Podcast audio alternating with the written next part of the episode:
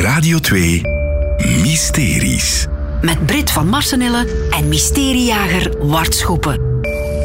Dag Wart. Dag Brit. Ben jij ooit iets verloren op de bus of de tram? Goh, ehm, niet dat ik weet eigenlijk, nee. Dan ben jij een, een bijzonder geval, want heel Ah. veel mensen verliezen dingen op de bus of de tram. De lijn krijgt elke week verloren voorwerpen binnen. En over zo'n verloren voorwerp wil ik het vandaag hebben. Vertel. Wel, in het depot van de lijn Oost-Vlaanderen komen dus heel veel dingen binnen. Mutsen, sjaals, rugzakken, handtassen, de normale zaken.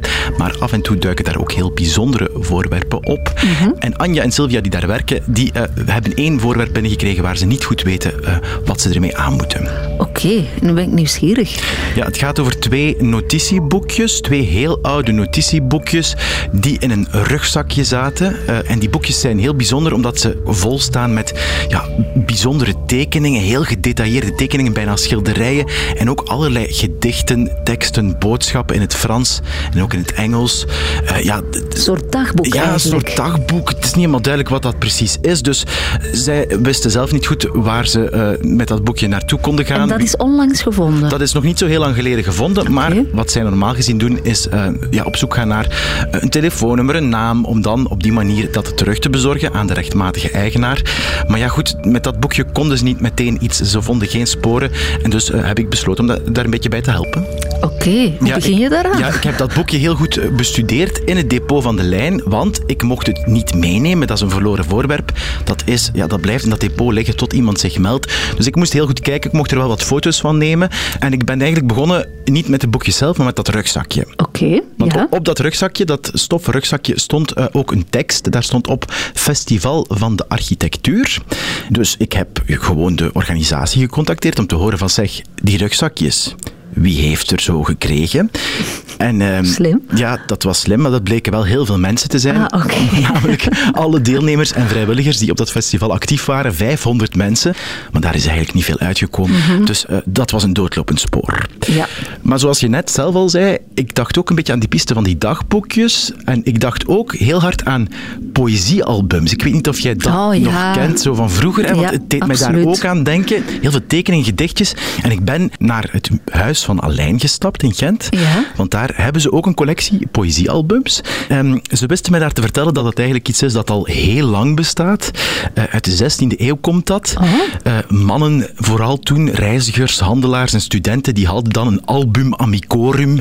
Die gaven dat dan door als ze op reis waren en die lieten daar dan boodschappen in noteren. Later is dat in de 19e eeuw meer iets voor vrouwen geworden. Ja. Er dook ook wat romantischere tafereelen op. Ook zaken die ik allemaal zag in eh, die bijzondere boekjes.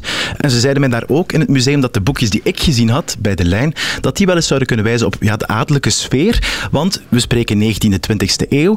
Eh, dan was papier en waren die boekjes echte luxe producten. Ook die uitvoering van die tekeningen en van die schilderijen, die wezen toch wel op ja, adellijke sfeer. Dus Maar het waren een soort van poëziealbums ja, ja, dus dat stond Ja. wel vast. Hè. Dat Ja. werd ook gezegd. Ze herkenden dat daar ook. Van ja, dit is wel zeker iets in die traditie van die poëziealbums. Daar moet je echt mee verder. Want stond er ergens een datum?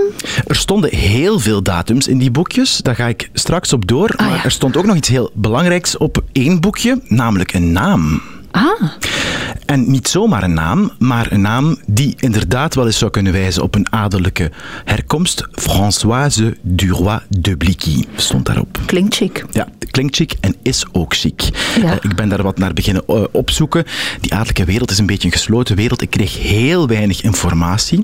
Ik vond wel een aantal interessante familieleden van die Françoise. Bijvoorbeeld Patricia. En die wil ik toch heel even vermelden, want die is bekend bij het brede publiek onder de naam de skiende markiezin. Aha. Patricia Duroy de Bliquy is de allerbeste skister die België ooit gehad heeft. Kijk eens aan. Zij heeft meegedaan aan de Olympische Winterspelen in 1964. Ja. En ze kon daar een zesde plaats binnenhalen. En dat was het allerhoogste, of is nog altijd het allerhoogste, wat wij hebben kunnen bereiken in de skiwereld. Dus belangrijke familie op Ja. sportief vlak, maar ook ver daarbuiten. Eh, dat ben ik niet zelf te weten gekomen. Dat heb ik gehoord van een echte markies. Want ik heb heel die adellijke wereld eh, lastig gevallen om meer te weten te komen over eh, die Françoise. En markies Olivier de Trazigny heeft voor mij opzoekingswerk gedaan. En hij zegt, ik ken de baron, de chef de famille. Ik zal die man contacteren om eens te horen wie die Françoise was, wat we daarover te weten kunnen komen. Ja, is dat gelukt? Hij had niet meteen antwoord, ik zal Ah. het zo zeggen. Ik ben dan opnieuw naar de afbeeldingen gaan kijken.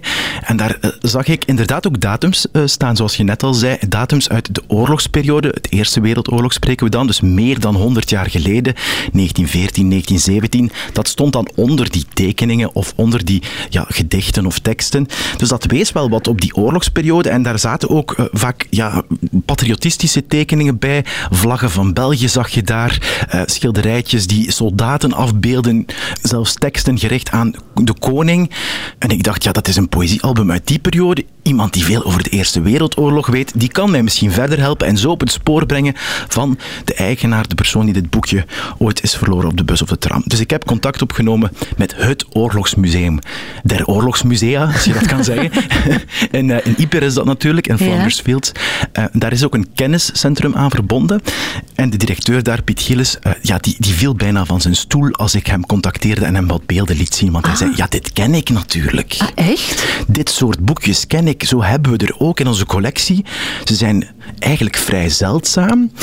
En ze zijn inderdaad heel vaak van adellijke dames die tijdens de Eerste Wereldoorlog niet aan het front, maar net achter het front aan de Belgische kust actief waren. Wat was daar aan de hand aan de kust? De regio rond de Pannen was het enige vrije stukje België op dat moment. En daar verbleven ook de koning en de koningin. Koning Albert, opperbevelhebber van het Belgische leger. Ja. En koningin Elisabeth, die zich daar dienstbaar maakte eh, ja, in het oorlogshospitaal dat er was. L'Océan werd dat genoemd. De- dat was een hotel dat dan later is uitgebouwd. Eh, en zij was daar ja, geen verpleegster, maar zij stak daar eh, ook wel een handje toe. In het kielzog van de koning en de koningin zijn ook heel veel andere adellijke lieden meegetrokken naar daar om zich dienstbaar te maken en iets te betekenen voor het vaderland. Dus mogelijk ook die Françoise Duroy de Bliquy. Ik vertelde die naam en Piet eh, die viel, was al van zijn stoel gevallen, maar als dat had gekund, was hij het op, had, had hij het opnieuw gedaan. Want die naam zei hem iets. Hij zei natuurlijk Albert Duroy de Bliquy was de rechterhand van koning Albert Maar. daar in de pannen. Dus het zou zomaar kunnen, zegt hij, dat dat een nichtje was of een dochter of een familielid dat meegereisd was en daar verbleef in die koninklijke sfeer. We begonnen toch een idee te krijgen wat voor iemand Françoise was. En het zou ook kunnen, zei Piet me nog, dat ze geholpen heeft in dat oorlogshospitaal. Dat zij haar poëziealbum daar bij zich had en dat ook door soldaten, door andere adellijke dames en andere mensen die daar verbleven, liet ja, invullen, Ja. bijdrages liet maken. Ehm, daar staan inderdaad dus ook Engelstalige teksten in. Dat verraadt inderdaad een internationale context. En Piet zei hem ook, ja, dat was daar ook wel een komen en gaan van de beaumonde vanuit Europa. Het was een wereldoorlog.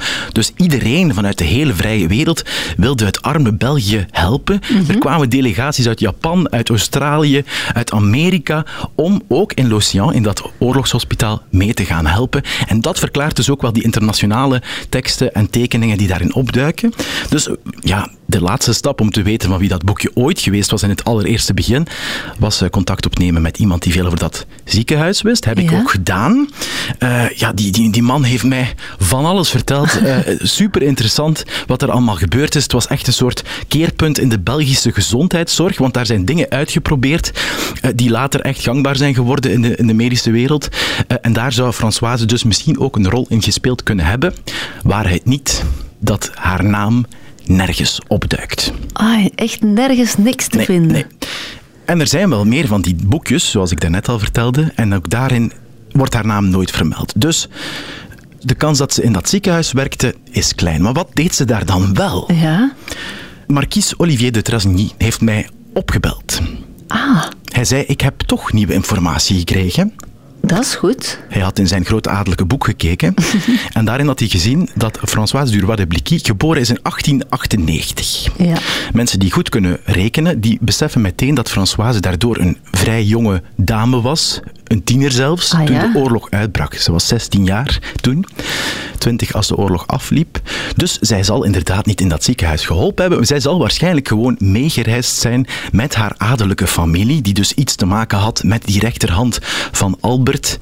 En op die manier af en toe het ziekenhuis bezocht hebben om de soldaten een hart onder de riem te steken. Want ook die morele kracht is natuurlijk in een oorlog superbelangrijk. Uiteraard. En daar heeft zij dus ook een, een rol in gespeeld. En op die manier is dat boekje, of die boekjes, zijn er eigenlijk twee, zijn dat unieke getuigen van die periode. Daar staan namen in die alarmen doen afgaan in het hoofd van Piet, dat hij zegt, dit, die ken ik, en die ken ik, en die ken ik. Dus ja, dat is een bron van informatie. Eigenlijk een historisch belangrijk document. Ja, ongelooflijk, wat een verhaal. Ja, maar we weten nog altijd niet wie ze verloren is, want Françoise leeft niet meer. Die, is, eh, die is al een hele tijd geleden gestorven. Wie is die boekjes dan verloren? Dat Ja. is de vraag. En heb je dat kunnen ontrafelen? Of dat is... Misschien. Ik kreeg een berichtje op Facebook van Maria, een luisteraar. En die zei, misschien zijn het mijn boekjes. Ah, Want ik had ooit zo boekjes, ik heb die gekregen van een Nederlandse vriendin, maar die zijn gestolen. Ah oké, vertel, ja. Dus dat zou kunnen verklaren dat wij al de hele tijd proberen die eigenaar op te sporen, Mhm. maar dat die eigenaar gewoon een dief is en daar niet mee te koop wil lopen Ah, natuurlijk. ja, dat zou kunnen. Dat zou kunnen. Ik heb Maria gevraagd om meer informatie te geven. Dat is voorlopig nog niet gebeurd, dus ik weet niet zeker of het die boekjes zijn of niet. Ik heb de lijn ook gecontacteerd om dat verder uit te zoeken. Ja. Maar wat als het haar boekjes niet zijn? ja, wat dan? Ik heb de lijn gecontacteerd om heel die zoektocht uit te leggen, wat ik allemaal te weten ben gekomen, hoe bijzonder die documenten zijn. En ze vertelde mij daarbij, beseffen dat. Ah ja. Want normaal gezien, als er geen enkele eigenaar zich meldt, ja, dan worden die verkocht. De lijn zei, we zouden dat toch heel erg jammer vinden, moesten we die boekjes niet kunnen ontsluiten voor historisch onderzoek. Ja, absoluut. En de lijn vertelde me, wij gaan proberen een uitzondering te krijgen op de regel. Dat is niet simpel in de ambtenarij, dat kan ik je zeggen. Zodat we die boekjes echt kunnen ontsluiten en dat erfgoed voor iedereen toegankelijk kunnen maken. Dat zou echt heel tof zijn. Dus ik heb niet achterhaald wie de boekjes kwijt is geraakt, maar ik heb er wel misschien voor gezorgd dat we ze binnenkort allemaal kunnen bekijken. Wel, Wart, ik ben je daar ontzettend dankbaar voor. Graag gedaan. Meer mysteries? Volg alles in de Radio 2-app.